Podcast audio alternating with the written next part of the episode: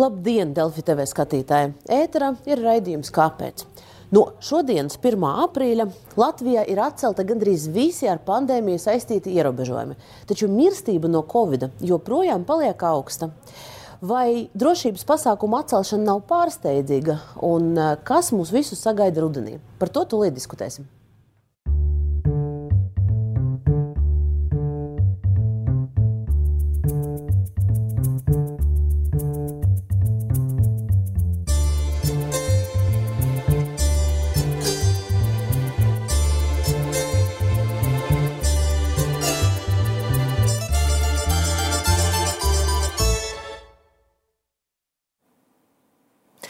Un studijā mums šodien ir diezgan plašs viesu lokus. Runāsim par pandēmiju ar Nacionālā veselības dienesta vakcinācijas projektu nodaļas vadītāju Evu Juhneviču. Sveiki! Klāt ir arī Veselības ministrijas parlamentārais sekretārs Ilmas Durīts. Sveiki! Rīgas Stradiņa Universitātes sabiedrības veselības un epidemioloģijas katedras vadītājs Girts Brīdis. Sveiki! Labdien. Latvijas Universitātes pedagoģijas un psiholoģijas fakultātes sociālās psiholoģijas profesors Ivars Austers. Labdien! Labdien. Un Latvijas Tirzniecības un Rūpniecības kameras priekšsēdētājs Janis Enziņš. Sveiki! Labdien! Un arī attālināti mums ir pievienojies no Daugopils viesis, Daugopils slimnīcas vadītājs Grigorijs Simjonovs. Sveiki! Nedzirdam mūsu attālināto viesi. Vai dzirdam? Nedzirdāt, sveiki. Dzirdam, dzirdam, sveiki. Ļoti labi, ka esat. Paldies. Un es piebildīšu, ka šo sarunu skatītāji var redzēt ne tikai Delfi TV ēterā, bet arī atkārtojumā RTV ēterā 15.30 un arī podkasta formātā. Audio versija ir pieejama Spotify un Apple lietotnēs. Pirms mēs sāksim sarunu, parādīsim nelielu ieskatu tajā, kā pēdējos divos gados ar vakcināciju, ar ierobežojumiem mēģinājām cīnīties ar pandēmiju. Pirmais Covid-19 gadījums Latvijā konstatēts 2020. gada 2. martā. 12. martā izsludina ārkārtas stāvokli un nosaka stingrus pulcēšanas un ieceļošanas ierobežojumus. Skolēni pāriet uz attālinātām mācībām. Vasara paiet mierīgi, ir dienas, kad jaunu saslimšanas gadījumu nav vispār. Rudens nāk ar jaunu vilni, kumulatīvā saslimstība ap 300 gadījumiem uz 100 tūkstošiem iedzīvotāju. Valstī ievieš stingrus ierobežojumus. Veikalos atļauj tirgot tikai pirmās nepieciešamības preces, ierobežo ar skaistumkopšanu un sportu saistītu pakalpojumu sniegšanu, nedarbojas atpūtas un izklaides vietas, gadu mīsas svētkos komandants stunda. Gada beigās sāk vakcināciju, kā pirmos vakcinē mediķus. Kumulatīvā saslimstība ap 500 gadījumu uz 100 tūkstošiem iedzīvotāju. 2021. gada sākumā sāk vakcinēt riska grupas. Tas norīt gausi, cilvēki pauž neapmierinātību. Maijā vakcināciju atver visām iedzīvotāju grupām, veidojas garas rindas, taču vasarā vakcinācijas tempi sarūk. Atvieglo virkni ierobežojumu. Atkal var strādāt skaistumkopšanas saloni. Kopš pandēmijas sākuma skolēni lielākoties ir mācījušies attālināti. Vasara paiet mierīgi, bet rudenī saslimstība atkal strauji aug. Oktobrī kumulatīvā saslimstība ap 1700 gadījumu uz 100 tūkstošiem iedzīvotāju. Nedēļā nomirst ap 200 cilvēku. Smaga situācija slimnīcās. Tiek apturēti plānveida pakalpojumi, arvien vairāk nodaļu tiek pārveidotas Covid slimnieku vajadzībām. Valdība izsludina ārkārtējo situāciju un ievieš jaunus ierobežojumus. No oktobra beigām sākās maisēde. Nosaka komandants stundu, gandrīz visi pakalpojumi iekštelpās pieejami tikai ar Covid certifikātu. No novembra strādāt ārpus savas dzīves vietas drīkst tikai ar Covid certifikātu, visur iekštelpās jāvelk sejas maskas. Aizliegti publiski pasākumi, pulcēšanas tikai ārā nelielās grupās. Saka visu iedzīvotāju balstu vakcināciju, tā no rīta lēni. Saslimstības radītāji krīt. Decembra beigās kumulatīvā saslimstība ap 500 gadījumu uz 100 tūkstošiem iedzīvotāju. Nedēļā nomirst ap 70 cilvēku. Sakot ar decembra beigām, tirzniecības centriem ļauj strādāt arī brīvdienās. Vecgada vakarā bāriem un izklaides vietām ļauj strādāt bez ierobežojumiem. 2022. gads. Strauji izplatās Omikron variants. Februārī kumulatīvā saslimstība sasniedz 7,5 tūkstošus gadījumu uz 100 tūkstošiem iedzīvotāju. Nedēļā nomirst no 60 līdz 100 cilvēku. Vakcinācijas tempi krīt. Februārī valdība lemj par plānu pakāpenisku ierobežojumu mazināšanai. No 1. marta certifikāti nav jāuzrāda veikalos un publiskos pasākumos, atvieglo nosacījumus tirzniecības un ēdināšanas nozarēs. Būtiski palielina pieļaujamo cilvēku skaitu pasākumos. No 1. aprīļa masku vai respiratoru vilkšana vairs nav obligāta, izņemot sabiedrisko transportu un medicīnisko iestāžu apmeklējumu. Certifikātus nav jāuzrāda nekur. Atceļ arī visus pārējos ierobežojumus. Kopš februāra saslimstība strauji sarūk, taču joprojām ir ļoti augsta. Marta beigās kumulatīvā saslimstība ap 2000 gadījumu uz 100 tūkstošiem iedzīvotāju. Pēdējās nedēļas laikā nomiruši 57 covid pacienti.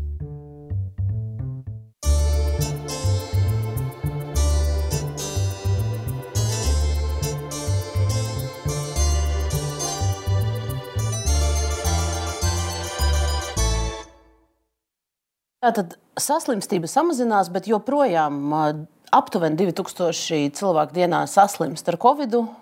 Mirstība joprojām diezgan augsta. Jautājums pirmais droši vien, ka veselības ministrijai.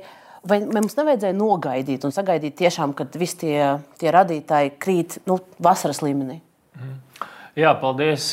Nu, jūs tiešām tā precīzi atspoguļojat to, kā mēs esam virzījušies cauri šajā sižetā um, pandēmijai. Uh, Un, uh, tomēr jāsaka, ka saslimstības skaitļi ir augsti. Es jums varu piekrist, bet vīruss ir būtiski mainījies un situācija ir būtiski mainījusies.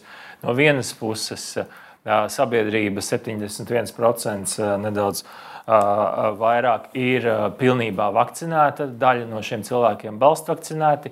Un otrs, protams, ka vīruss ir mainījies un vīruss tomēr ir cits. Viņš ir kļuvis nu, netika, netika bīstams, varbūt ir infekciozāks, bet mēs redzam, ka slimnīcu pārslodze mazinās. Faktiski slimnīcas pārslodze nav. Jā, mirstība ir augsta, bet, kā ziņo arī speciālisti, tā tomēr veidojās, un tas bija novērams arī citās valstīs, saistībā tieši ar faktiski Covid kā pastiprinošs vai veicinošs apstākļus, bet tomēr arī senioru grupā tieši uz šīm kroniskajām, ilgstoši neārstētajām slimībām.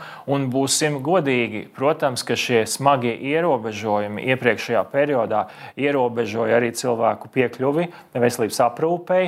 Un tas, protams, tagad parādās arī ar šiem mirstības rādītājiem. Līdz ar to no veselības ministrijas skatu punkta uh, šajā situācijā nebūtu pareizi vēl ilgstoši uzlikt sabiedrībai liels ierobežojums, redzot, ka vilnis strauji plok un arī slimnīcas noslodzi mazinās. Bet šīs ir izpētīts, protams, jūs droši zinat, ka šī mirstība no covid šobrīd ir daļa tā, ka cilvēki netiek izārstēti savas kroniskās kaitas. Tas ir kaut kāda pētījuma rezultāts, vai tas ir pieļāvams? Nu, nē, tas nav pieļāvams. Tas ir tas, ko ziņo gan slimnīcas. Mēs monitorējam gan šo pacientu vecuma grupas, gan skatāmies, kādas ir šīs cēlonis nāves, vai tās primāri covid, vai tās ir kroniskas slimības. Bet runājot par kopumā, par mirstību, arī darba grupa veselības ministrijā secināja, ka ka ir nepieciešama padziļināta pētījuma. Tā iespējams varētu būt zinātnieku iesaiste, Latvijas zinātnieku iesaiste, iespējams, varbūt valsts pētījuma programmā, lai analizētu precīzi un arī salīdzinātu ar citām valstīm gan to metodiku gan arī tos, eh, kā mēs esam šos eh, nu, eh, nāves gadījumus gan uzskaitījuši, gan arī kas būtu šie cēloņi šiem mirstības rādītājiem, tādi kā viņi ir. Tā kā zinātniski pētījumi tur vēl būtu jāveic, lai es varētu precīzi atbildēt. Es, es noteikti Jā. gribu dot vārdu epidemioloģiem, bet, bet pirms tam jāsaprot, kāpēc mums to pētījumu vēl joprojām nav. Jo, jo eh, tā augstas eh, mirstība Latvijā, Latvija izceļas ar to jau nu, visu pandēmijas laiku, kāpēc mēs joprojām neesam neko nu, izpētījuši. Nu, nevarētu, teikt, pasūtījuši. nevarētu teikt, ka pētījumu nav. Pirmajā Covid fāzē bija pētījumi gan par attiecībā uz antivielām. Šeit zinātnīgi nu, tieši, par mirsti, tieši par mirstību. Bet attiecībā par mirstību nu, šie pētījumi ir nepieciešami, respektīvi jāskatās retrospektīvi uz šiem pētījumiem, uz, uz, uz šiem faktiem. Ja? Un, nu, tas prasa ilgāku laiku, un tas prasa, protams, arī finansējumu, lai šādus pētījumus padziļināti veiktu. Bet tas, ka statistiskas dati ir un tas, ka slimnīcas novērojumi ir, nu, tie ir neapšaubāmi secinājumi tam, ka vāja, novājināta veselības aprūpes sistēma, ilgstošas rindas chroniskiem pacientiem uz viņu jau esošajām saslimšanām, bieži vien cilvēku bailes pandēmijas laikā vērsties pie veselības aprūpes speciālistiem pēc palīdzības, ielaist chroniskas slimības, plus nevakcinēts pacients ar eh, seniors ar covid infekciju rada šo palielināto risku nomirt. Ja, un, tas ir tas, kāpēc mēs arī tik ļoti joprojām aicinām seniorus tīpaši veikt šo vakcināciju, tie, kas to nav vēl darījuši. Jo mēs joprojām redzam, ka mums gandrīz katru dienu ap 600-700 cilvēki parādās, nu, kas nav pabeiguši vakcinācijas mēs, kursu. Mēs, mēs noteikti par vakcināciju parunāsim atsevišķi detalizēti, bet pirms tam, kā speciālists skatās, ir jēdzīgi tagad atcelt ierobežojumus, vai vajadzēja vēl nogaidīt, vai tagad ir labs laiks, brīdis? Es varbūt sāktu ar pēdējo jautājumu par šo mirstību, par iepriekš veiktiem pētījumiem. Es varētu pieminēt, ka pirmajā pandēmijas gadā, 20. gadā, Rīgas Tradiņu Universitātē valsts pētījuma programmu ietvaros tika veikts pētījums par mirstību un pastiprināti īpaši tika pētīta tā saucamā papildus, jeb ekscesīvā mirstība.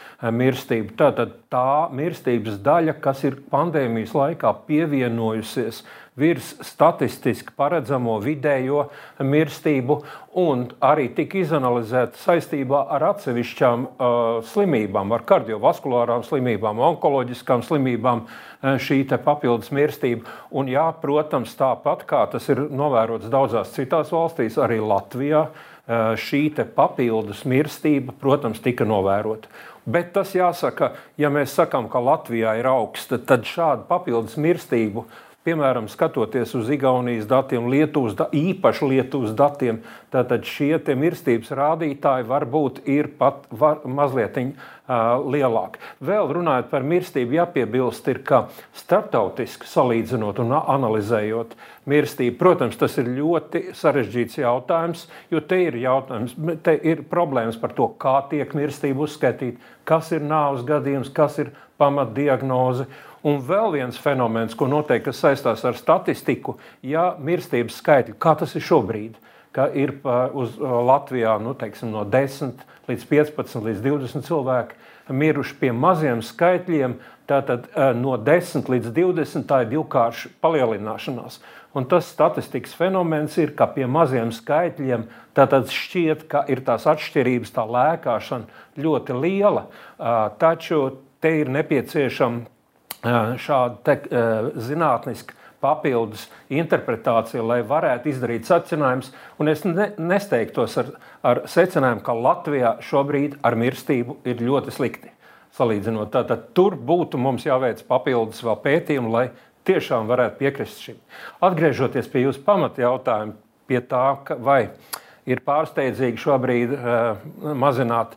Jā, es vakar skatījos uh, Eiropas uh, slimību kontrolas centra datus, un Latvija šobrīd tiek klasificēta kā augstu bažu valsts kopā ar daudzām citām Eiropas valstīm. Tas nozīmē, ka mūsu saslimstība ir ļoti, ļoti augsta vēl ar vienu šobrīd. Un, un, toties tā labā ziņa ir, ko jau, jau Dūrīša kungs pieminēja, tā ir šī dinamika. Ka neraugoties uz augstiem skaitļiem, mums Un tā tas nav daudzās citās valstīs. Kopumā 19 valstīs, Eiropas valstīs, saslimstība atkal pieauga, bet Latvija ir starp tām valstīm, kur šī saslimstība mazinās. Un ne tikai saslimstība, bet arī tas attiecas arī uz hospitalizāciju, smagiem gadījumiem un arī uz mirstību.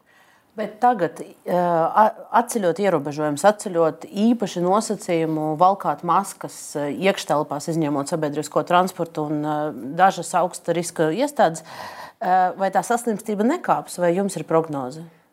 Mēs varam spriest pēc citām Eiropas valstīm, kas ir noticis. Un, nu, nav izslēdzams, ka ir iespējams kādas izmaiņas šajā patīkamajā dinamikā, Kāps, kā varētu vai bremzēties vai kāpt. Tas ir pēc citām valstīm, kas ir noticis. Bet te ir divi iemesli par citām valstīm. Viens ir šī ierobežojuma atcelšana, tas nozīmē masu pasākumi un, un, un lielākas pulcēšanās, bet otrs vēl ir šīs BA2 apakšvariants vīrusam, kas Eiropā tagad arvien vairāk izplatīts, bet Latvijā viņš jau ir jāsaka, diezgan sen, un šobrīd tiek uzskatīts, ka 75% no visiem gadījumiem Latvijā jau ir šie BA2 apakšvariantu vīrusi. Tā kā nu, ir cerības, ka tas mums varētu nedraudēt. Savukārt, ja runājam par šodienu salīdzinājumā ar vakardienu, nu, mans uzskats, ka milzu atšķirības situācijā nav, jo mēs tiešām, ja mēs sev godīgi prasām, vai kā mēs dzīvojam, cik bieži mēs domājam šobrīd par vīrusu, par ierobežojumiem, par uzmanīšanos, tad droši vien kā atšķirības starp vakardienu un šodienu nav būtisks. Nu, šīs maskas, jā. Bet par maskām es arī ļoti uh, ieteiktu tiem cilvēkiem, kuriem ir augstāks risks. Es to attiecinu arī uz sevi. Atbilstoši manam vecumam, es apņemos vēl ar vienu uh, veikalā iet ar šiem respiratoriem, un cilvēki vietās, kur ir vairāk cilvēku, tomēr uh, valkāt šo respiratoru, jo tas ir atbilstoši manai riska pakāpei. Te es gribētu pieslēgt Austrālu kungu, jo daudz tagad, atceļot ierobežojumus, tiek runāts par individuālo atbildību. Ka, lūk, mēs tagad katrs esam, nevis valsts mūs pasargās ar noteikumiem, bet mēs katrs esam atbildīgi par to, lai, lai izlemtu, kur iet, kur neiet, izvērtēt savu veselību. Uh, Mūsu sabiedrība to darīs? Kā jums šķiet? Visa atbilde ir nē. Bet, nu jā, jā, man šeit turpinot to, to, to stāstu veselības ministrijas skatījumu, kā tas uz visām ārstēšanās slimību, slimnīcu padarīšanām. Nu, Droši vien, tas tā ir. Bet no man viedokļa skatoties, teiksim, viss tā masku un respiratoru padarīšana, viņai jau ir dubulta fun dubult funkcija. Jā. Viena lieta ir, ka tu uzliekot kaut ko uz sejas, patiešām pasargā sevi un citus. Jā, nu, tas ir tas, par ko visu laiku ir runāts. Bet ir jau arī sociālā funkcija. Tādā individu nozīmē, ka tas tev atgādina, ka vispār tās ziepes nav pagājušas. Jā, no šāda viedokļa skatoties, es būtu bijis priecīgāks, ja tas būtu bijis saglabāts. Jā, jo nu, tāpat jau gāja kā gāja ar to sejas aizsegšanu, īpaši deguna gadījumā, vai ne? Ka citi pat bija iemācījušies tos respiratorus kaut kā novilkt uz leju dīvainā kārtā. Nu, cik, cik tur, um, tas, tas, tas būtu saistāms ar tādu racionalitāti un, un saprātīgu un plašākā nozīmē, tas ir cits jautājums. Bet, nu, tas, nu, par spīti tām cilvēki bišķīt, bišķīt piesargājās. Ja, un, un, un, manuprāt, pats fakts, ka tev kaut kas ir uz mutes un deguna, liek arī publiskās vietās piesargāties, nu, ievērot to attālumu, to distanci, ja, nu, kas arī ir uh, svarīgs elements. Uh, nu, par spīti tam, ka uh, daudziem tas, tas nepatīk, daudziem tas šķiet kaitinoši, grūti un tā tālāk. Ja. Nu, tādi, saliekot šīs divas lietas kopā, uh, es būtu bijis priecīgāks, ja tas būtu palicis, ja tas būtu saglabāts. Un iespējams arī uh, teiksim, tas, ko mēs saucam par kultūras pasākumiem. Kā tagad ir šodien, var, var vālēt, tā kā senāk bija. Ja? Tur nekā, nav vairs mm -hmm. nekāda ierobežojuma, teātros un tam līdzīgi. Ja? Mm -hmm. nu, rekomendējoši paliek masku valkāšanas jautājums. Nu, jā, jā. Bet, bet tas jautājums, kā cilvēki to uzskata, nu, tas ir apmēram tāpat, kā nu, mēs rekomendējam. Nezinu, tur, tur, Senos laikos drošības jostas arī bija rekomendējošs raksturs. Jā, nu, nu, cik lietoja, cik nelietoja, tas ir cits jautājums. Jā. Šeit līdzīga analoģija varētu būt. Durīškungs no sociālas psiholoģijas viedokļa. Maskas bija jāsaglabā, ja cilvēki, lai cilvēki atcerās, ka vīrus pastāv. Mhm. Jūsu atbildi? Nu, es teiktu vēlreiz, es teiktu, ka skaidrs, ka nu, man liekas, ka Brīņķa kungs ļoti labi iezīmēja to, nu, katram tomēr uh, ir, un veselības ministrija arī rekomendē, tur, kur nav iespējams ierobežot eh, distanci, tomēr saglabāt masku valkāšanu. Ja mēs redzam, ja mēs redzam ka tiešām infekcijas eh, līkne sāk stagnēt un varbūt pat redzam palielinājumu, tad nav jau problēmas tās maskas izvilkt atkal no kabatām un, un, un vilkt eh, visiem, ja, un, un noteikt šos, šos, šos atkal kārtējos ierobežojumus. Jo jāsaka, godīgi, masku valkāšana jau faktiski ir viens no uh, mazākajiem, zināmā mērā, ierobežojumiem. Tas, tas īpaši neietekmē nekādu ekonomiku, valsts un tā tālāk. Kāpēc mēs atcēlām? Nu, es domāju, ka pirmkārt mums tomēr ir jāpierod pamazām. Pirmkārt, uh, nāk vasara. Mēs sagaidām, ka cilvēki vairāk būs brīvā dabā un ventilācijas režīms uzlabojas un tā tālāk. Un mums tomēr gribētos ļoti sagaidīt, ka cilvēki pierod, cilvēki pierod pie tā, ka viņu veselība un viņu drošība arī ir tomēr viņu pašu arī jautājums. Un kā es gribētu teikt šeit arī ar to pašu vakcināciju, ja mēs esam ļoti daudz eh, aicinājuši un turpinām aicināt, bet ir tomēr, ir tomēr nu, man liekas, šādā te, varbūt veidā jāmēģina sabiedrībai teikt, ka mums tomēr ir jāizvērtē un neparvēlt mēs atstājam sabiedrisko transportu, mēs atstājam veselības aprūpas iestādes, ja, kur, kur, kur ir masku valkāšana obligāta. Ja. Tāpēc skatīsimies, es domāju, ka mēs varam atgriezt atpakaļ šos ierobežojumus, ja viņi tiešām ir nepieciešami. Bet, bet tomēr man viens mm -hmm. komentārs par šo visu. Es atceros, Tas bija ap gadsimtu mījas. Vienreiz bija paņēmis taksiju, un es braucu. Un es tā, tad, tad vēl taksīšos nebija obligāti liekt drošības jostas, liekt drošības jostas. Un tas taksīts apvainojies. Pagaid, Ziniet, es jau esmu 20 gadus šofērs. Ja? Es, es kontrolēju visas situācijas, uzņēmos pirms atbildību. Bet viņš ne, neņem vērā to faktu, ka avārija, pat ja viņš ir fantastisks labs braucējs, var izraisīt arī kaut kādu nejaušu faktoru. Un šeit jau ir līdzīga analoģija. Es jau varu piesargāties, bet kaut kādu uh, pilnīgi uh, antisociālu lubraku dēļ, nu es varu atkal noraut to covid. Ja? Nu, tur kaut kādam man šķiet tam sabalansētības līmenim arī būtu jābūt. Un es domāju, ka labāk būtu, ja tas, tas saglabātos kā tāds uh, status quo vai ne, tā, tā, tā masku padarīšana un arī piesardzība. Jo, uh, ja mēs skatāmies sabiedrības līmenī kopumā, man šeit ir pārāk daudz tā tendence. Atgriezties tagad 19. gadā, 20. gada sākumā. Nu, nu, man šeit ir godīgāk teikt, nu, ka tie laiki ir pagājuši, un tas nav tikai uh, tādā nu, epidemioloģiskā nozīmē, tas ir arī ekonomiskā nozīmē, kultūras nozīmē, medicīnas nozīmē un tā tālāk. Ja? Nu, kad ir kaut kāda jauna cita realitāte, ar kuru jā, jāmācās sadzīvot, ja? un, un, un tas nevienmēr tiek ņemts vērā, manuprāt. Es, es gribētu dzirdēt arī uh, mūsu attālinātā viesa no Daugopils skatījuma šo problēmu, jo uh, mēs varam parādīt vienu nelielu bildi. Valdībā nesen tika prezentēts veselības ministrijas ziņojums par uh, situāciju ar covid. Un viens no atzinumiem, kad tika pētīti uh, notekūdeņi un vīrusa koncentrācija tajos, tika konstatēts, ka jā, visā valstī tiešām tas līmenis mazinās, bet Daugopilī un Rēzeknē īstenībā tendence ir pretēja. Tur izplatības pieaugums tiek novērojams. Un tagad man ir jautājums Simjonova kungam, Daugopils slimnīcas vadītājiem, vai jūs atbalstat tagad ierobežojumu atcelšanu, vai jūs saskatāt tur riskus no sava skatu punkta? Nu, pirmais, tas ir labi, ka veselības aprūpes nozare ir viens no tiem izņēmumiem, teiksim, kur mēs varam droši pateikt, ka mums viss saglabājas attiecībā uz iekšējo, iekšējo epidemioloģiskas drošības to ievērošanu, arī kontroli, testēšanu, visiem pārējiem algoritmiem.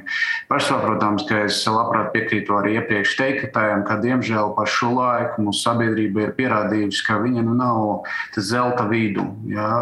Viņi tad uztver, tas rada arī vakcinācijas tempi, ka tiklīdz mēs pasakām, ka nu, kļūst labāk, nu, tad cilvēkiem uzreiz izpratne par to, ka viss uzlabojas, ka problēma pazūd. Un šai ziņā, ja mēs skatāmies statistiskā virzienā, tad tiešām mēs atšķirāmies Latvijā un par spīti tam, ka visur citur tā situācija stabilizējas. Mums aizvien biežāk arī uzņemšanas nodrē tiek diferencēti un atklāti tie jaunie uh, inficēšanas gadījumi ar RNS testiem. Un, līdz ar to mēs arī ne, nevelti arī neplānojam ne uz mirkli nekā te neko nemazināt. Pašsaprotams, arī jau sabiedrībai radās tāda ļoti izteikta neizpratne, kāpēc slimnīca pēkšņi pārtaisie par cietumu, ka visur citur viss tiek atļauts, bet slimnīca joprojām nedrīkst apmeklēt, ja slimnīca joprojām viss paliek jātestējas, jāškirojas un tam līdzīgais. Bet nu, tas vienmēr mēs esam jau pierāduši, tas visu šo pandēmijas laiku tas bija ārstniecības iestāžu pastāvīgs darbs, nu, kā pamatfunkcija. Pašsaprotams, ka redzot, kā cilvēki to visu uztvēra, jo preventīvākā pieeja, nu, jo tad uh, labāks rezultāts, cik mēs, cik mēs redzējām. Mēs arī mēģinājām te uz vietas uh, izmantot tādus uh, pa pusē ierobežojumus, kaut kādas cita veida pieejas, lai tomēr maksimāli kaut kā modināt, bet pēc tam redzējām, jo stingrāka un precīzāka pieeja, jo tad arī labāks bija rezultāts. Bet mēs saprotam, ka vēl par agru arī mūsu gadījumā runāt par kaut kādu stabilitāti, jo arī kolēģiem 5 minūtēs sapulcēs bija minējis, ka mums šobrīd to ir pacientu ir vairāk pat nekā bija janvārī vai decembrī, kas, ko mēs ārstējam stacionāri. Tas ir labi, ka mēs jau nenodarbojamies, ka pagājuši gadu ar to tipveidu ārstēšanu, kad mēs runājam tīri par vīrusu infekcijām, tiešām, ka jau minēja Duriša kungs, mēs vairāk izolējam, nodrošināt to specifisku akūtu ārstēšanu, lai tie cilvēki neapliepinātu visus pārējos, bet ir jāsaprot, ka ka mēs slimnīcas pārsvarā arī esam, esam tās iestādes, kur, koncentrējās tā riska grupa pārsvarā. Līdz ar to mums arī tas, tas riska faktors ir ļoti, ļoti augsts. Līdz ar to, protams, esmu nu, saka, apmierināti par to, ka mums atļāva visu saglabāt, un es ļoti ceru, ka līdz vēl. Līdz tam brīdim, kad mēs, mēs neredzam tādu pastāvīgu lejupslīdi, mēs arī to visu saglabāsim veselības aprūpes nozarē. Uh, Jo, diemžēl, ir ļoti nelabi radītāji, kas rada, nu, ka cilvēkiem pārsvarā sabiedrība nu, ir jau pieņemts, ka viss, viss ir beidzies. Bet, nu, pie, pie, piemēram, Daugopilī pagaidām vēl nekas nav beidzies. Mēs papildus Covidam cīnāmies vēl ar gripas paveidiem un ar uh, zārnu infekcijām. Līdz ar to nu, tas man, nedaudz strāks laiks, bet nu, kopumā droši vien nu, jau nebija citas. Uh, izvēlēs, pie, pievērst uzmanību tomēr ierobežojumu mazināšanai. Jo viens tas ir labi, kad mēs runājam par veselības aprūpi, bet jāsaprot, ka mums jādomā par arī pārējām nozarēm, un arī jau nerunājot par cilvēku uzkrovētību, visiem redzams, ka kādā, kādā psihoemocionālā stāvoklī pašreiz visi atrodas, cik stabils tas stāvoklis, un tad liela jālīdzsvaro. Daugopils bija viena no vietām, kas brīdī, kad rudenī runājām par zemo vakcinācijas aptveri, kurai tika pie, pievērsta uzmanība. Tieši ar vakcināciju es gribētu turpināt šo raidījumu. Apspriedīsim tagad arī vakcinācijas tempus.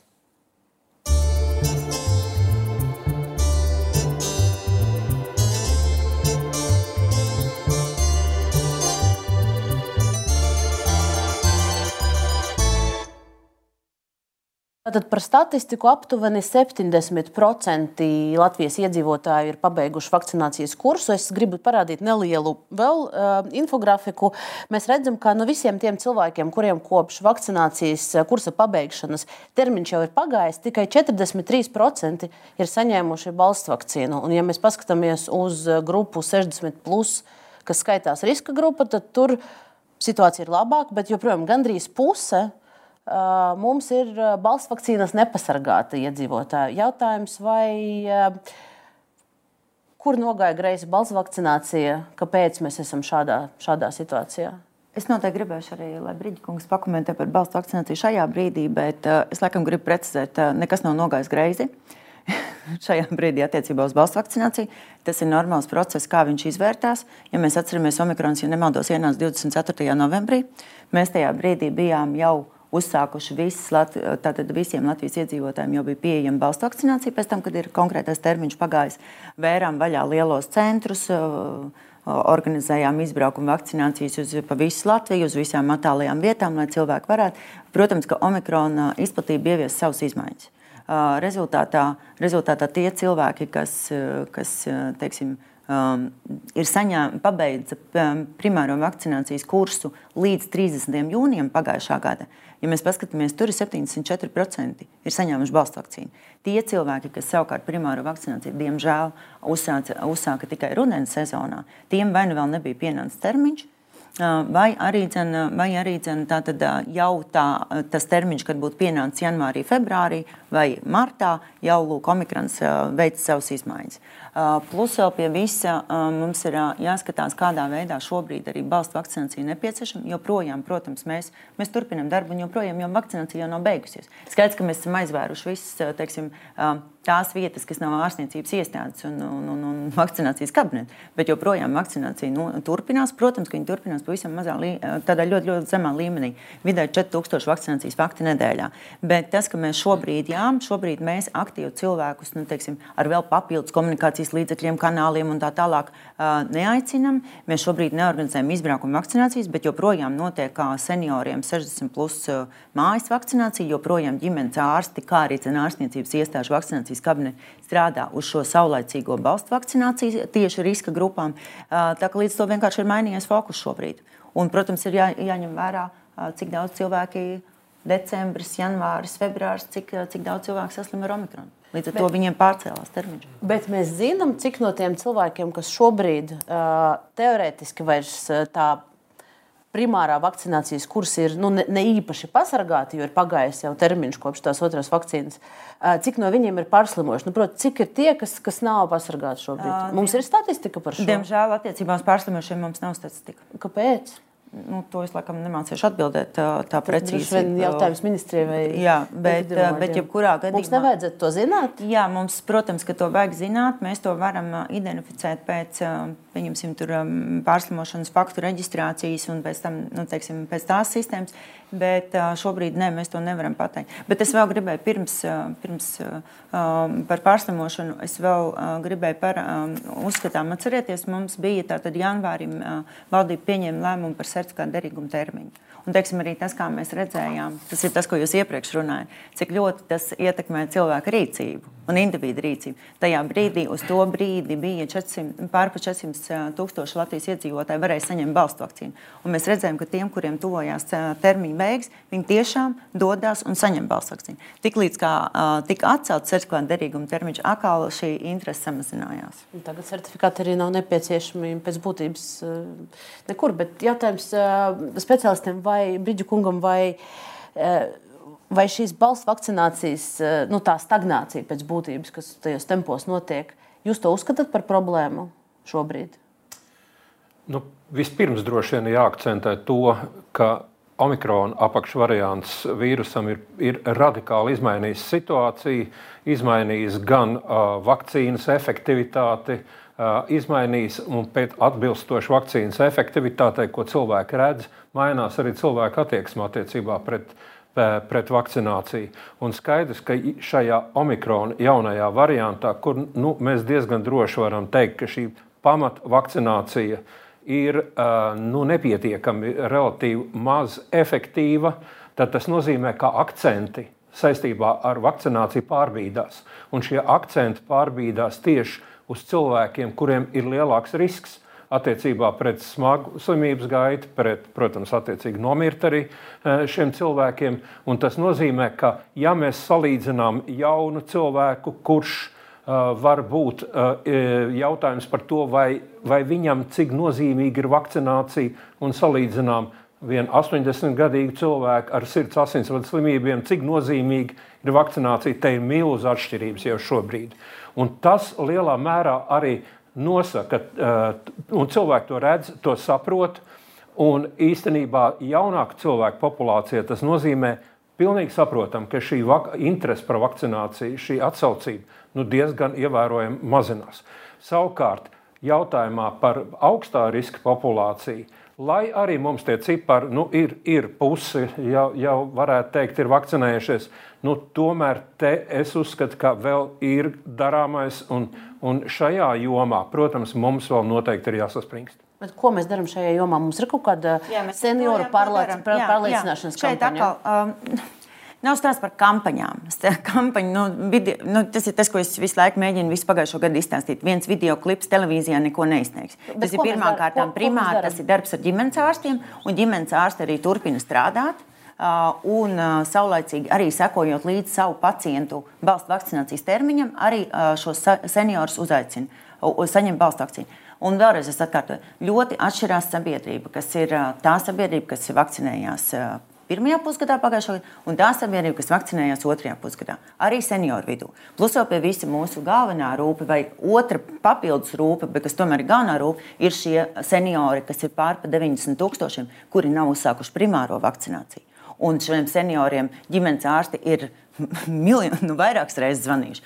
Mēs esam rakstījuši, uh, ir bijušas dažādas komunikācijas aktivitātes, un mēs joprojām saprotam, ka šī ir tā visaugstākā riska grupa, šie 90,000, kuri, kuriem vispār nav nekādas aizsardzības. Tā kā līdz ar to darbs, tas darbs jā, tiešām ir fokusēts tieši konkrēti uz riska grupām, uh, attiecībā ar ģimenes ārstiem šobrīd. Un, līdz ar to pēc nepieciešamības organizējot mājas vakcinācijas, kas arī ir pastiprināts fokus.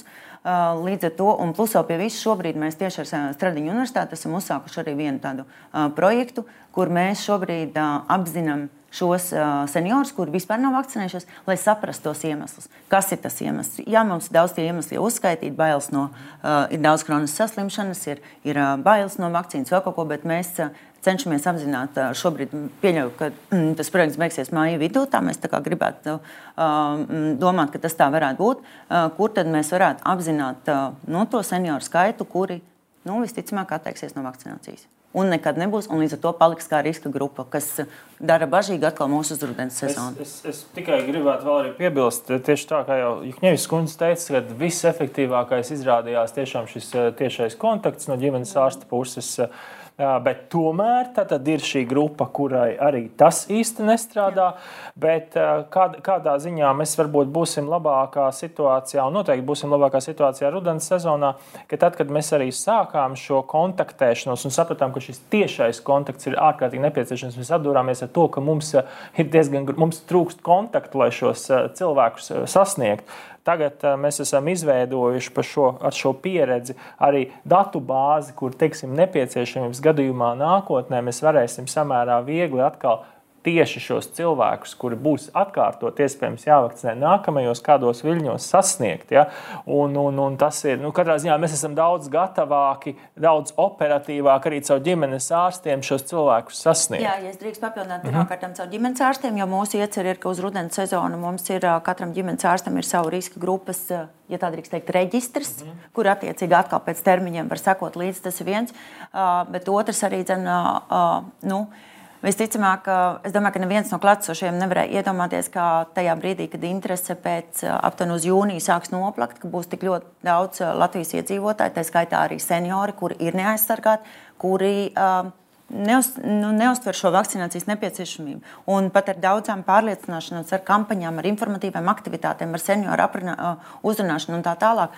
Ar es pieļauju un gribu cerēt arī ar uh, līdzcilvēku teiksim, uh, pārliecināšanu. Ne, tomēr joprojām nav pieņemts šo lēmumu par vakcinācijas uzsākšanu. Un es domāju, ka par šo mums ir jārunā skaidri un jāapzinās, ka tiešām tā mums ir vislielākā problēma. Un neviena, neviens un tajā brīdī ne telefons zvans, ne īziņa, ne, ne, nezinu, ne sociālā darbinieka atkārtota vizīte, kā mēs zinām, ka nu, tiešām sociālajie darbinieki taču arī iesaistījās nu, nav pārliecinājuši šo cilvēku pieņemt lēmumu par, par labu vakcināciju. Tad mums daļa, daļa nekad nevakcinēsies. Mums ir jāpieņem, ka būs procents seniori vecumā virs 60, plus, kas nevakcinēsies. Bet tajā pat laikā es tikai īsi mm. starp austrumu Eiropas valstīm, ja mēs skatāmies tā, kopumā, jā. mēs esam jā. ar labāku aptveri. Nu, nu, vienmēr var atrast kādu jā, bet es, es, es, man, man, man lieta ir slikti to, to risku pateikt, ka tiemžēl. Bet Austrākungs mēs jā. tā kā arī esam daudz pētījuši seniorus. Bet, bet tur ir tāda padarīšana viena, ka tas ir tāds nu, drusku. Varbūt ne pats labākais veids, kā skatīties, tad kā mēs sasniegsim katru cilvēku. Bet tas cilvēks dzīvo noteiktā situācijā, sociālā sabiedrībā. Un, Man, mums ar kolēģiem, ap citu, nesen tika pieņemts publicēšanai viens raksts, un, un tas, um, tur, tur, tur, tur bija vairākas svarīgas lietas, un tā nav nekāda unikāla. Par to pasaulē ir diezgan daudz šobrīd publicēti um, rezultāti, ka viens no stabiliem atskaites punktiem ir uzticēšanās politiskajai sistēmai un valdībai. Ja? Nu, tātad vakcinēšana jau no daudz cilvēku viedokļa nav pasākums, kur rezultātā tu samazini uh, risku saslimt ar uh, covid un ilgtermiņā saglabāt labāku veselību. Tur ir ļoti liela dimensija arī valdība tā un vienkārši ir jādara. Tāpēc ir teiksim, Ziemeļvalstu panākumu un tam līdzīgi. Ja. Bet, lai mēs būtu kā Ziemeļvalstīs, mums ir arī jādomā, un, un, tur ir, ne, un, un tur ir visādas net, net, netiešas lietas, vai ne? Tas, kas tagad notiek Rīgas domē, lai gan tā nav valdība. Ja, ja tagad Rīgas domas mērķis pasaka, varam ejiet jūs ratā, ja, uh, un kas šeit vispār notiek, un ko vispār valdība domā, ja, nu, tur ir paralēlšās lietas tas atstāja iespaidu arī uz vakcināciju. Ja? Un, un, un par to ir jādomā. Ja? Vakcinācija nav tikai kampaņa, ne kampaņa vai tiešie zvani no uh, ģimenes Jā, tāpēc ārpus. es vēl eh, noslēdzot droši vien šo, es, es tiešām gribu vēlreiz, tagad nāk pavasars un nāk vasara. Mēs arī zinām, ka pieņemsim pagājušo gadu seniori vasarā negribēja vakcinēties. Un tur atkal bija ļoti, ļoti pamatot iemesli. Ir karsts, ir, ir rudenī, gribās aprunāties vēl ar ģimenes ārstu un tā tālāk. Un daļa no viņiem pēc tam rudens sezonā atkal uzsāk vakcināciju. Bet šeit es tiešām gribu izmantot to iespēju. Es saprotu, ka mums visiem liekas, ka šodien ir 1. aprīlis un viss ir beidzies, un, un tagad nu, mēs diesim un dejosim. Bet uh, principā Covid nav pazudis un nāks rudens. Un mums eh, šie seniori, nu, vai tiešām nu, mā, meita un dēls un mazmeita un varbūt draudzene, kas ir uh, pieņēmusi lēmumu par vakcināciju. Mums tiešām ir ļoti svarīgi šo līdzcilvēku attieksme un iesaiste vēlreiz atkārtoti personīgi aprunāties ar saviem senioriem. Apzināties to, ka tas, ka ir šī kroniskā saslimšana un, un, un šī, šis risks par, uh, par hospitalizāciju, nu, ka tas viss vēl nekur nav atcēlies. Līdz ar to nu, nu, tas, tas ir tāds, tad droši vien daudz var runāt par šo. Es vienu precizējušu jautājumu gribēju uzdot. Jums ir kaut kāds aplēsts, cik, cik ir tas procents, kad, kurš nevakcinēsies nekad? Es šo, šobrīd ne, nevarēšu to pateikt, bet tas ir tieši tāpēc, ka mēs šobrīd esam uzsākuši šo projektu Rīgas Tradiņu universitāti.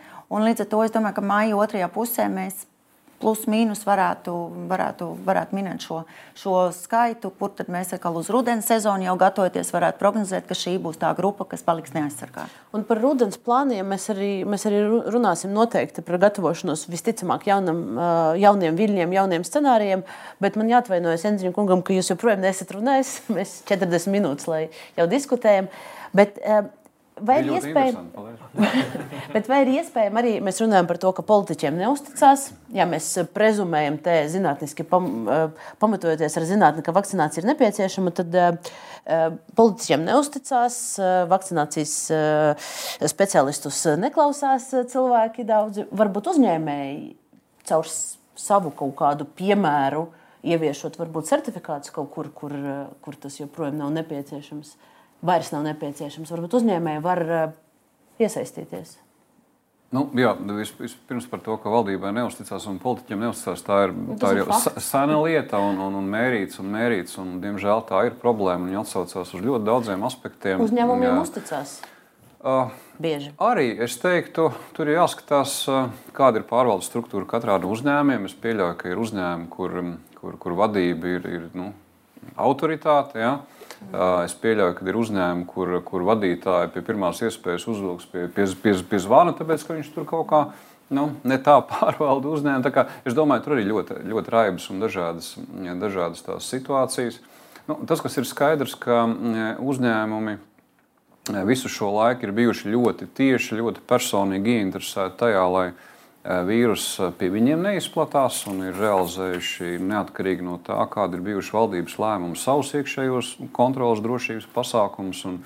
Es atminos vēl pašā, pašā, pašā pirmsākumā, kur, kur vēl nebija obligātās prasības virkni, tur testējās, bija dažādas prasības un, un, un gal galā. Man gribētu teikt, ka arī tagad, atskatoties tagad cauri šiem diviem gadiem, tad um, nu, tie uzņēmumi, kuri drīkstēja strādāt, es domāju par rūpniecības uzņēmumiem, uh, nu, tā vai savādāk šo procesu ir, ir, ir, ir, ir novadījuši un, un, un spējuši turpināt strādāt. Tā kā, tas arī īstenībā vien, viena no lietām, ko mēs arī visu laiku esam rekomendējuši, ka nu, ļaujiet uzņēmumiem pašorganizēties un saprast, kādas prasības ieviest, un būs tādi, eh, kuri, kuri prasīs stingrākas prasības nekā prasa normatīvie akti, būs, būs savādāk. Vai jums ir zināms par uzņēmumiem, kas šobrīd plāno paturēt uh, prasību saviem darbiniekiem pret, uh, pēc vakcinācijas certifikāta, plāno saglabāt masku valkāšanu birojos, jo likums šobrīd to visu ļauj? Uzņēmumi drīkst to prasīt saviem darbiniekiem. Ir, būs tādi? Es atbildēšu godīgi, mēs šajā fāzē vairāk esam, esam, esam noņēmušies ar, ar visu to Krievijas iebrukumu sekām un, un, un visiem tiem jautājumiem, un mazāk esam pievērsuši, es domāju, ka, ka, ka daudz jāatskaita nu, saka, veselības ministrija šīm lietām. Un esam mazliet atgājuši no, no, no, no tā Covid varbūt aktualitātēm, bet droši vien, ka pie reizes vai kārtējās aptaujas mēs to varētu uzveicāt. Jā. Bet es atceros dažas citas lietas. Tur uh, bija tādas uh, uzņēmēji, nevalstiskās organizācijas, kas uh, pilnīgās muļķības runāja par šķirošanām, par, tur, tur par prasībām tagad vakcinēties un neiet jūs ratā ar savām vakcinācijām. Nu, konkrēti par, par tas restorāns un bāru un kā tur bija. Atceros, bija Kilbloka, ja vispār tādas čūžas slēja, ja televīzijas ēterā, ka pilnīgi kauns bija klausīties. Ja. Uh, viņa, kā grāmatu izdevēja, viņa varētu ļoti daudz panākt. Ja? Varbūt tas viņas biznesa tur tiešā veidā, nu, principā viņa bija arī slinka vai ne, ja viņa normāli tāpat tās grāmatas. Veikala padarīšanas iet uz leju, vai nevajadzēja uztaisīt normālu mājaslapu, kur grāmatas tirgot. Ja? Viņi to netieši pateica. Otra lieta, ka viņas tie potenciālie grāmatu lasītāji varētu vakcinēties, ja viņi grib iet uz veikalu. To viņi neizdarīja. Tas, tas čels no restorāniem un bāriem ja, teica, ka mēs savus klientus nešķirosim, mēs negribam, valdība runā muļķības ja, un tam līdzīgi. Ja. Tas bija tas, kas pagājušā vasarā bija. Ja. Kilbloks bija šķiet vēlāk, pirms pāris mēnešiem. Ja. Man šķiet, ka tie arī ir uzņēmēji. Ja? Nē, es nesaku par jūsu, uzņē, jūsu NVO, varbūt tur ir bijis bijis savādāk attieksme, konstruktīvāk, bet piemēri ir no nu, uzņēmējiem. Nu, es domāju, ka katrā, katrā tēmā katrā, nu, ir, ir, ir dažādi, dažādi viedokļi dažādiem cilvēkiem, arī, arī vakcinācijas kontekstā. Mēs zinām, ka visa sabiedrība ir, ir bijusi nu, ar dažādiem viedokļiem, tā skaitā uzņēmējs saimē. Man gan ļoti smagi klausīties, protams, tādu tā, tā uzņēmēju kritizēšanu. Ja? Kilboks kundze ļoti, ļoti spēcīgi, jaudīgi uzņēmēji un, un ļoti augstu vērtē un augstu, augstu cienu. Un, un, nu, man, man žēl, ka izskan tāda, tāda, tāda kritika. Tā kā, nu, es, aic, es, aicinu, nu, es, jau, es jau diezgan precīzi citēju, ko viņi nu, teica. Jā, nē, es saku, pamēģiniet pats kādreiz ar biznesu nodarboties, tad jūs sapratīsiet, par ko es runāju. Tā kā svaidīties ar apvainojumiem ir, ir ļoti, ļoti, ļoti vienkārši un forši. Uh, Bet, eh, protams, ka eh, jā, nu cilvēki, cilvēkiem bija dažādi viedokļi. Protams, ka cilvēki ieklausās autoritātēs, ja? un kas kuram ir autoritāte, tas arī, tas arī ir atslēgas jautājums. Jā, es varbūt tikai gribu piebilst, ka tiešām nu, visu pandēmijas laiku gan mēs parlamentā, gan gan veselības ministrijas saskārās ar ļoti, ļoti, ļoti, un es varu piekrist, pretstāvi lielu.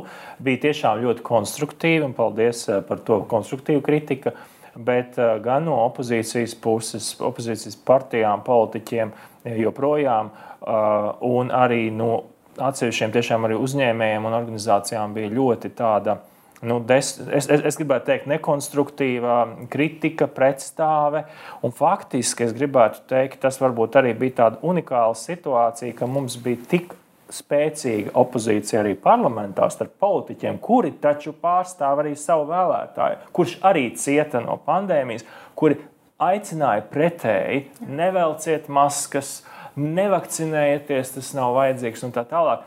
Es domāju, ja mēs būtu šajā jautājumā būtu vienoti, kā mēs tagad esam Ukraiņas jautājumā, mums arī būtu labāka situācija. Uh, kaut es gribētu kopumā teikt, ka nu, mēs neesam tik ļoti sliktā situācijā, izējot no šīs akūtās pandēmijas fāzes šodien. Mēs esam diezgan, es pat teiktu, labā kaut vai ar vakcinācijas aptveri, kaut vai, protams, jā, mēs skatīsimies vēl šiem mirstības rādītājiem, bet kopumā mēs esam kā valsts izturējuši, es domāju, to kā iedzīvotāji izturējuši to diezgan, diezgan godam. Es varbūt, Ļo, ļoti īsi mums ir. Jā.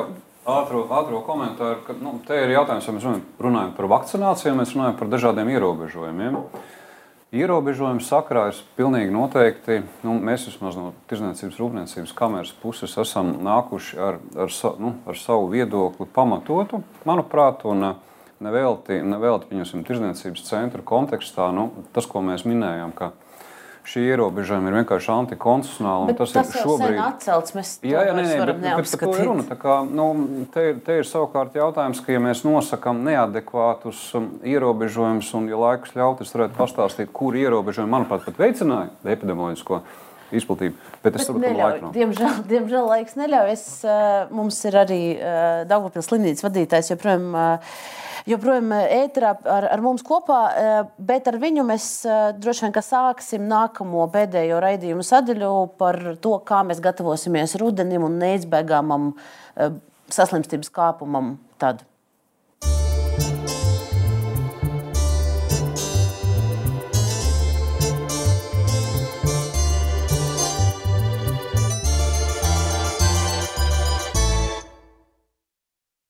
Un eh, šonadēļ valdība atkal prezentēja uh, vairākus variantus, kā rudenī varētu izskatīties pandēmijas situācija. Tie ir eh, scenāriji, ko sagatavojas Eiropas slimību profilaks un kontrolas centrs. Es varu parādīt, kā šī prezentācija izskatījās. Galvenā ideja, ka viens no variantiem ir, ka Covid pārvēršas par eh, tādu kā mm, līdzīgu gripa infekciju, un pēc būtības vakcinācija nepieciešama tikai riska grupām. Drošības pasākumi arī diezgan slimnīcās un, un, un līdzīgās iestādes. Otrais scenārijs eh, - grūti pārvaldama sezonāla infekcija, atgriežas certifikāti, daži ierobežojumi, un tad arī nevaldāma sezonāla infekcija. Nu, atkal mēs atgriežamies kaut kur pie oktobra, novembra droši vien scenārija. Tur vēl daži bija citi varianti. Pandēmija pazūd vai pandēmija no jauna sākas, kā tā bija 20. gadā. Tos neuzskata par ticamiem. Un mans pirmais jautājums ir, ir Simjonam kungam pie šiem scenārijiem. Vai jūs tagad redzat no savas puses, vai jums ir visi rīki, ko valdība jums varētu iedot, lai gatavotos rudenim, vai kaut kas jums trūkst? Nu, cik mēs redzam, principā mēs, mums jau ir diezgan uh, plaša pieredze bijusi līdz šim brīdim, gan 2020. gadā, gan 2021. gadā. Principā, viss atkārtojas tiešām rudenī, viss tur bija vienkārši atšķirīgs no tā, Tad tieši rudens periodā daļā, jo, ja nemaldos, pagājušajā gadā tas viss sācies nedaudz agrāk nekā 2020. gadā, kad mē, mums sācies Daugopilvis kaut kur tuvāk novembrā vidum. Bet, principā, mēs cerām, mēs ļoti cerām, ka, protams, būs tas vieglākais, vieglākais scenārijs, kad mēs runāsim jau par to, Covid vīrusu infekciju vairāk par sezonālo. Pašsaprotams, ka arī esoša situācija rada, ka Covid neatnāks vienatnē, ka blakus ies arī visas sezonālās saslimšanas. Nevelti pašlaik arī veidojas pat kombinācijas, kad pacientiem tiek atklāts gan Covid, gan gripa, gan vai cita veida kombinācijas. Līdz ar to. Nu, Var daudz ko prognozēt, var uh, daudz uh, uz ko cerēt, bet pašsaprotams, ka mēs, kā visas ārstniecības iestādēs, un tāpat arī mēs, mēs gatavojamies tam sliktākam uh, pavērsienam, uh, ko mēs novērojam Deltas paveidā laikā, kad bija nu, viss grūtākais laiks, vislielākā tā noslodze. Uh, Un uh, gribētos cerēt, ka visi tie algoritmi, uh, visas tas lietas ir izstrādātas, ir ļoti, ļoti ciešā kontakt, uh, komunikācija ir izveidojusies. Par šo laiku mums bija divi gadi, tiešām mācīt, iespēju mācīties no pašu kļūdām. Līdz ar to, manuprāt, uz šo brīdi daudz kas ir novērsts ļoti, ļoti ciešā un ātrā komunikācijā ar veselības ministriju, ar Nacionālo veselības dienestu. Mums ir krīzes vadības centri. Mēs visu laiku ar WhatsApp sarakstāmies, kad nedod Dievs kaut kas notiek, kaut kāds viena no ārstniecības iestādēm. Līdz ar to nu, cerēsim, ka tas viss arī turpināsies. Un pēc tam atelpas, kas mūs sagaida, ko radīja arī pagājuši divi gadi vasaras periodā, tīpaši priekš slimnīcām, mēs varēsim, kas saka, atgūties, ļaut medikiem vienkārši atpūsties un būt, būt gataviem saka, kartajam periodam. Brīdžakungs, vai, uh, tag, vai jūs tagad varat paredzēt vai pieļaut, uh, kurš no šiem scenārijiem visticamāk mūs sagaida? Vai tā ir zilēšana? Nu, man jāsaka, tā, ka epidemioloģija un prognozēšana var balstīties uz statistiku, uz statistisko modelēšanu, bet o, pamatā tas galvenokārt attiecas uz īstermiņu prognozēm, īstermiņu modelēšanu. Un vēl noteikti jāuzsver, kur, kur esmu dzirdējis jau diezgan daudz, ka jauc pare, nākotnes pareģe, pareģošanu, kristāla bumbu un jauc ar šo statistisko modelēšanu. Tas nav viens un tas pats. Protams, ar zināmu ticamības pakāpi, un es jau teicu, īstermiņā mēs varam paredzēt. Jā, ņemot vērā to, ka, ka slimībai šobrīd nu, diezgan droši var teikt, ir sezonāls raksturs, tas nozīmē, ka tik tālu mēs varētu veikt kaut kādas prognozes un teikt, ka ir iespējama šī atkal saslimstības pieaugums, mainoties sezonām. Un mēs tam varētu gatavoties. Savukārt, ja mēs runājam par jaunu variantu veidošanos, kā negaidītām šīm situācijām, tas ir absolūti neparedzējami, un to mēs nevaram paredzēt. Tieši tas varētu radīt vislielākos draudus. Šie jaunie uh, varianti, antigēnu varianti, kas vīrusiem veidojas, un to mēs nevaram ne paredzēt, ne arī kaut kādā veidā nu, šobrīd. Ko mēs varam? Tas ir tas, ko ministrija jau šobrīd dara, būt gataviem uz dažādiem variantiem. Ir, ir, ir, ir tas, tātad, kā ir ļoti labvēlīgi norit šī te, uh, epidēmija vai pandēmija, vai kā tajā brīdī mēs sauksim, vai ir, ir, ir vidēji, vai ir negaidīti un ļoti slikti. Tātad, kas būtu sliktākais, ja mēs atkal būtu pārsteigti, nesagatavoti? Un, un būtu pēkšņi kaut kas jādara un jāizdomā dažu stundu laikā. Mums ir jau gatavas kaut kādas mm, rīcību modeļu paketes, tādas, kur, kurus var paņemt, ok, ieviešam šo. Jā, es eh, gribētu Tad vispirms arī teikt, ka Veselības ministrija gatavo tuvākajās nedēļās iesniegt atsevišķu informatīvo ziņojumu valdībā par šo mm, gatavību un gatavošanos rudens periodam. Vēl es gribu teikt, ka atšķirībā no tā, kāda mēs bijām dodoties iekšā šajā pandēmijā, saskaroties ar to un e, kāda mēs esam tagad, tad eh, to pieredzi, kā jau Simons arī teica, un, un to ko mēs esam ieguldījuši mūsu kaut vai slimnīcas infrastruktūrā, mums nu, īsti atņemt patreiz neviens nevar. Maksimālajā pīķī mēs varam uh, izvērst pār pa 3000 gultas. Mēs esam uh, papildus izveidojuši intensīvās terapijas gultas. Mēs esam faktiski lielāko daļu slimnīcas, kur uh, notika Covid ārstēšana, aprīkojuši ar skābekli nepieciešamību, jā, teiksim, lai pacientam var pie gultas pievadīt skābekli augstā plūsmā. Un, protams, ka mēs esam iemācījušies arī daudz efektīvāk, eh, nu, teiksim, gan attiecībā uz testēšanu, gan uz kontaktpersonu apzināšanu. Tur mēs saskatām diezgan daudz vēl problēmas, un tas patiesībā ir par vasaru, kas būtu jāizdara. Tad pirmkārt jātiek galā ar sekām, seku pārvarēšanu, jo mums ir uzkrāts neveikto manipulāciju skaits, mums ir nepieciešama rehabilitācijas Un, un tā tālāk šiem cilvēkiem, kas pārslimojuši, mums jādomā par to, kādā veidā joprojām padarīt šo vakcinācijas procesu elastīgāku, revakcināciju un arī kādā veidā faktiski visu šo procesu integrēt vairāk primārās aprūpes un ģimenes ārstu praksēs iekšā, lai viņas būtu spējīgākas ātri uh, savakcinēt nepieciešamos gadījumā vai revakcinēt. Tad, protams, uh, nu, slimnīcu kapacitāte un šie jautājumi tā ir tiešām ļoti, ļoti stiprināta. Uh, kontaktpersonu eh, apzināšana, karantīnas, eh, tie jautājumi, epidemioloģiskā uzraudzība. Mēs redzējām, ka mums nav pietiekošs IT atbalsts, ka tur bija joprojām teiksim, eh, ļoti liels cilvēka darbs. Jā, tur tad jaunu sistēmu ieviešana attiecībā uz to, lai daudzas lietas notiktu automātiski. Tad vēl, protams, testēšana. Un testēšana, ja mēs sākotnēji atceramies, iegājām tikai ar polimerās ķēdes reakciju, kas ir ļoti dārgs tests, precīzs tests, jā, zelta standarts bet uh, nākotnē mēs tomēr uh, no, ļoti nozīmīgi ar antigēnu testus, jo tie ir kļuvuši precīzāki, mēs esam iemācījušies viņus lietot. Tā kā šeit, saprot, saprotiet, ir faktiski nu, daudz tādas lietas, ko mēs varam uzlabot, bet tas, ka mums tā pieredze ir un kapacitāte ir, un mēs esam vienreiz gājuši tam cauri, es domāju, tas mums palīdzēs arī rudenī, neatkarīgi no tā, kāds būs šis scenārijs. Protams, kā Brīdņa kungs saka, ja būs scenārijs, kurš ir maz ticams, bet ar pilnīgi kaut kādu jaunu vīrusu, kur populācijai nav nemaz imunitātes un kas norit ļoti smagu saslimšanas gaitu, tad, protams, ka mums tā situācija būs sliktāka. Tomēr kapacitāte mums ir. Uh. Tagad man jāatgādina, ka šīs raidījums ne tikai Delfi TV ēterā izskan, bet arī RTV. Tas uh, ieliek mūs diezgan precīzos laika rāmjos, kas attiecas uz, uz, uz um, tradicionālu televīziju. Tāpēc tagad es vēlos atvadīties no RTV skatītājiem. Paldies jums par uzmanību, un uh, mēs uh, tiekamies pēc nedēļas. Bet ar viesiem studijā mēs turpinām Delfi TV sarunu. Un, es gribēju saprast, ok, mēs redzējām pirms gada līdzīgi. Vasara bija mierīga, interese noplaka, vakcinācija noplaka.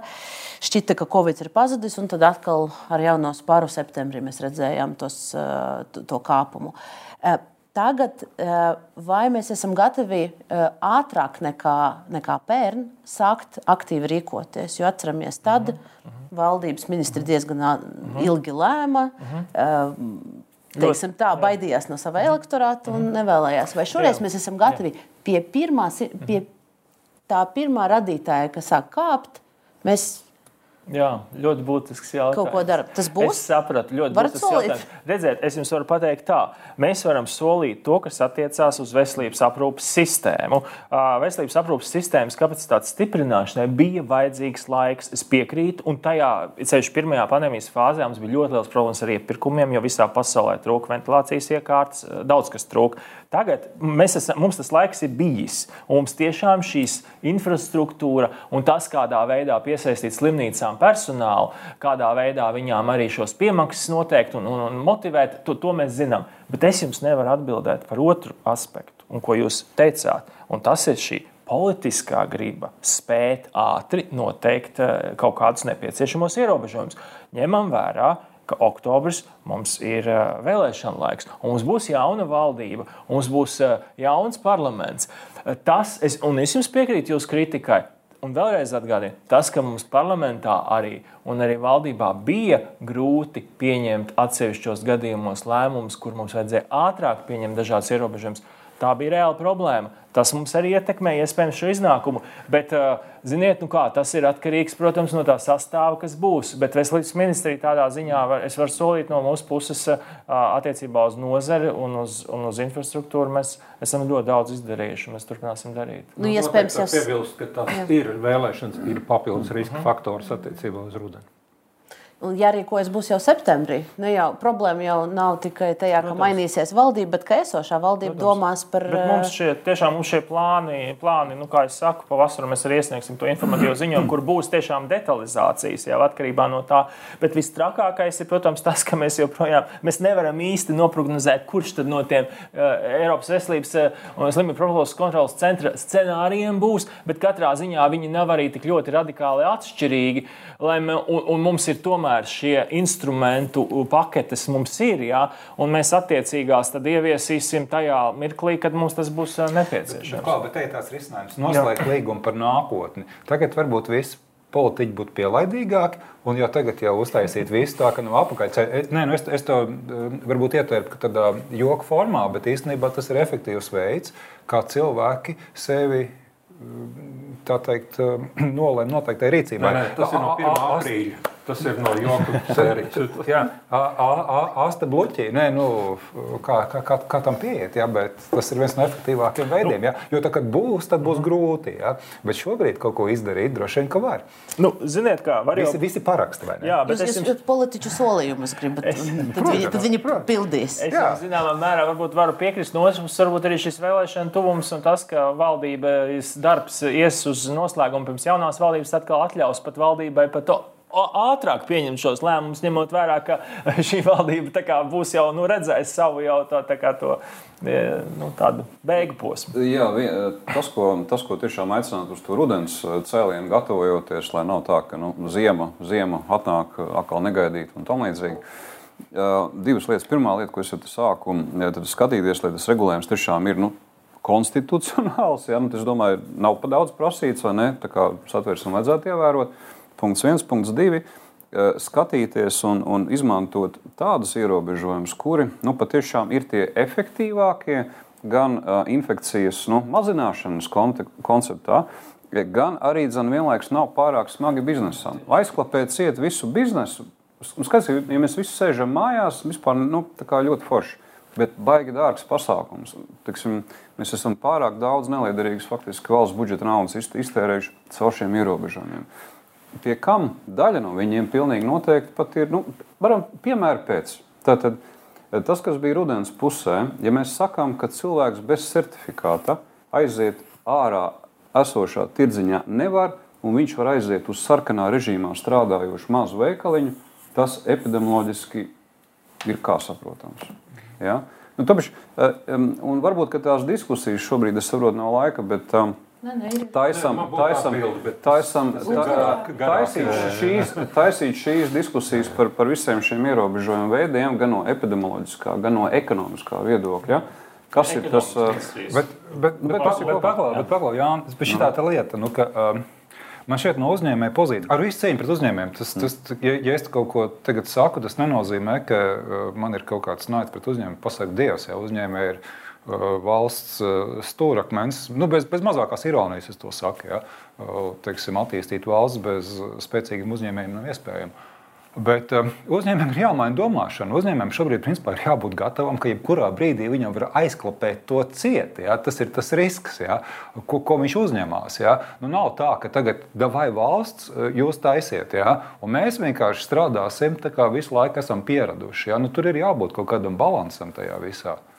Ne, nu, es teiktu, ka uh, uzņēmējs faktiski ir, ir eh, tādā, tādā ziņā, mēs esam uh, uztrenējuši to, to muskuli tādā patstāvīgā neparedzējumībā, dzīvojot gan Covid sakrā, gan visos citos. Es te varētu stundām stāstīt par tiem piedzīvojumiem, kas ikdienā ir jāizbauda uzņēmējiem. Kā, nu, to, to, tas muskulis ir uztrenēts un, un patiesībā sakot, arī tagad, patiesībā mēs Ukraiņas kara kontekstā mēs, mēs prasījām, nu, kā, kā jūs kā jūs, kā jūs tiksiet galā ar Krievijas iebrukumu šīm ekonomiskajām sakām Latvijā, tad bija daļa atbildes, kas tā uzmundrināja.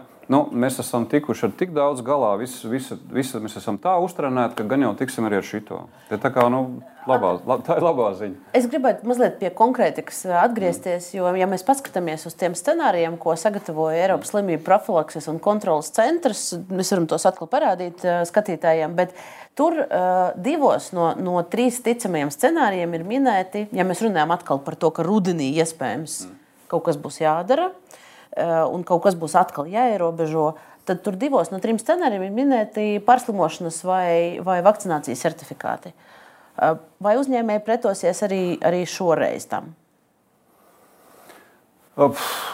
Par to pārslimošanu īstenībā. Um, par certifikātu. Par, nu, mēs, mēs kā kamera bijām, bijām pozīcijā, ka pilnīgi noteikti vakcinācija ir vajadzīga. Ka, ka mēs arī bijām par pozīciju, ka ir nepieciešams tad, tad, um, nu, noteikti, ka bez tā nevar, nevar strādāt. Tas ir ļoti labi nostrādājumi veicinājumi vakcināciju. Par to mēs bijām. E, par pārslimošanu, e, nu, tas mums ir droši vien iekšienē jā, jādiskutē, bet tam man ir īstenībā viens jautājums e, pie ekspertiem. Tad, tad jautājums nu, par to pārslimošanu Cik, cik, cilvēki, cik cilvēki ir pēc pārslimošanas atkārtot in, inficējušies un saslimuši? Nu, kāda ir tā proporcija? Ja?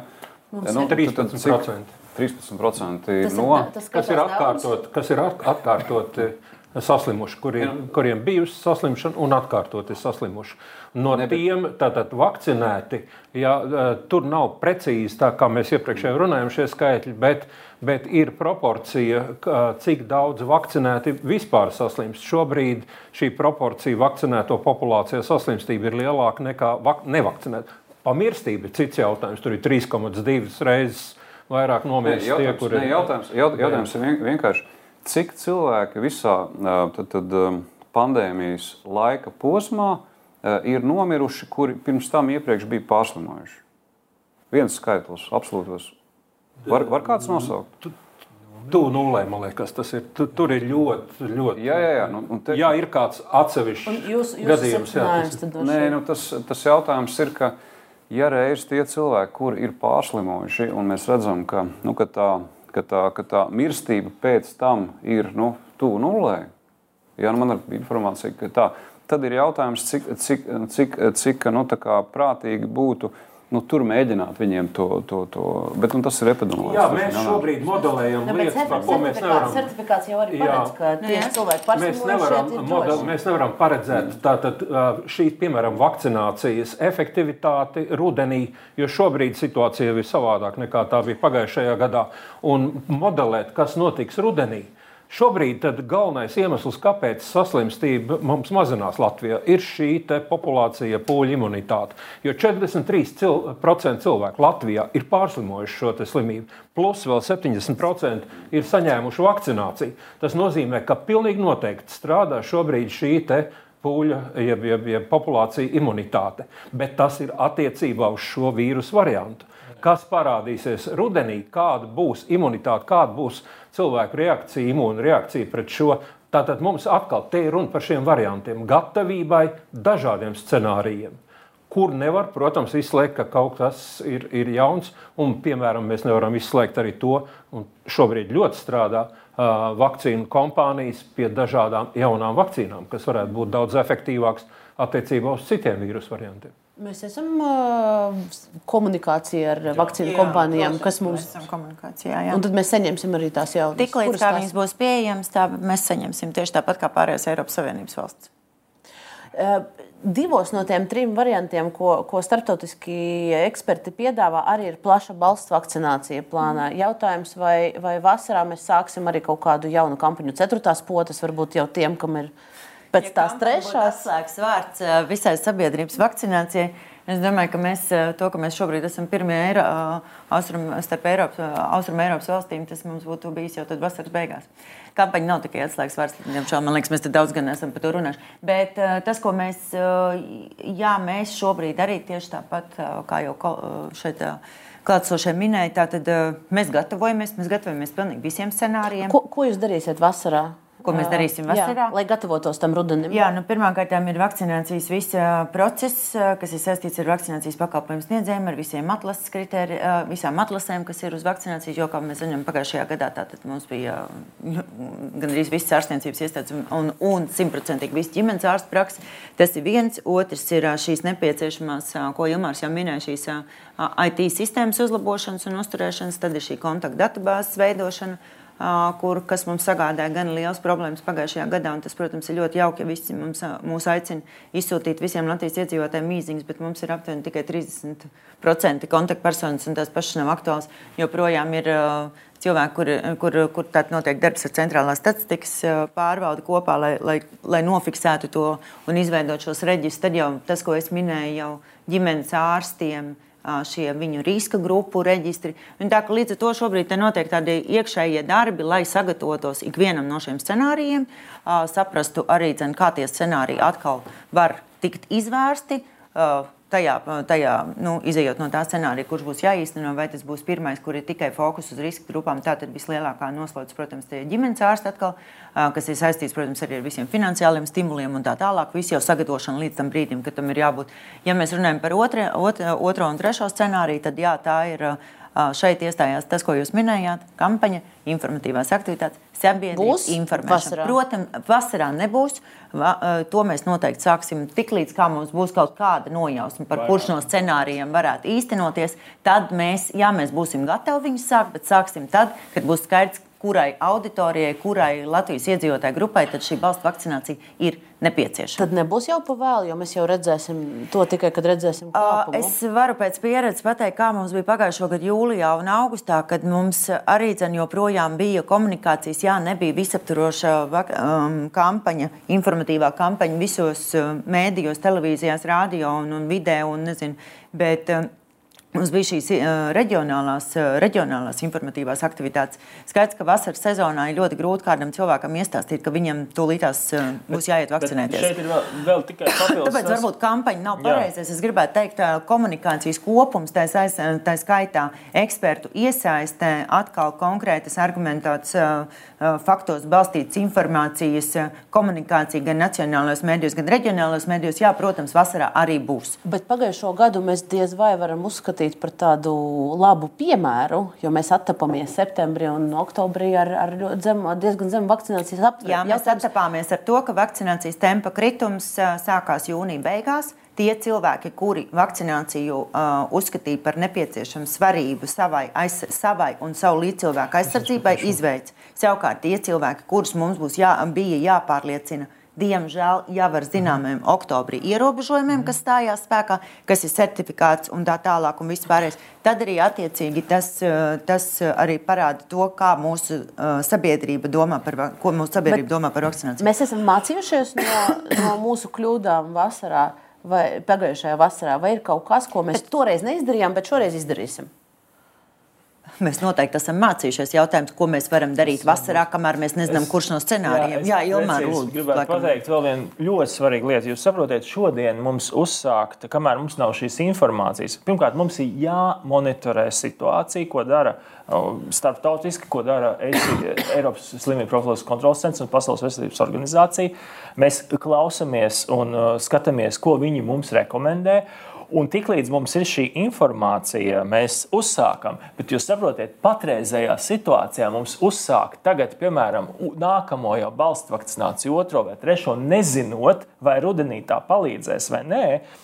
Nu, tas būtu nepareizi, jo vakcīnas jau, vakcīna tomēr ir zāles. Mēs jau varam to darīt, bet mēs jau taču tomēr, nu, saprotiet, te ir tas, tiklīdz kā e, e, Eiropas veselības kontrolas, slimību kontrolas profilakses centrs saka, jā, mums ir drošas indikācijas, ka tur un tur ir izplatījies tas un tas, un šī vakcīna konkrētā ražotāja ir pietiekoši efektīva. Mēs startējam jā. to palaišanas mehānismu. Bet, varbūt vēl nobeidzot, jā, mēs būsim gatavi palaist šo. Mums būs veikti visi jā, sagatavošanas jā. darbi, kas skaitās iepirkumi, kas paņem mm. laiku, kas, nu, teiksim, nezinu, radošais koncepts, sauklis, tur visi vizuāļi un tā tālāk. Tad uz katru tam variantu jums ir? Tam mēs, jā, kat, un vēl pēc tam katram variantam ir cits. Tā ka līdz ar to jā, tas ir mūsu darba plānā.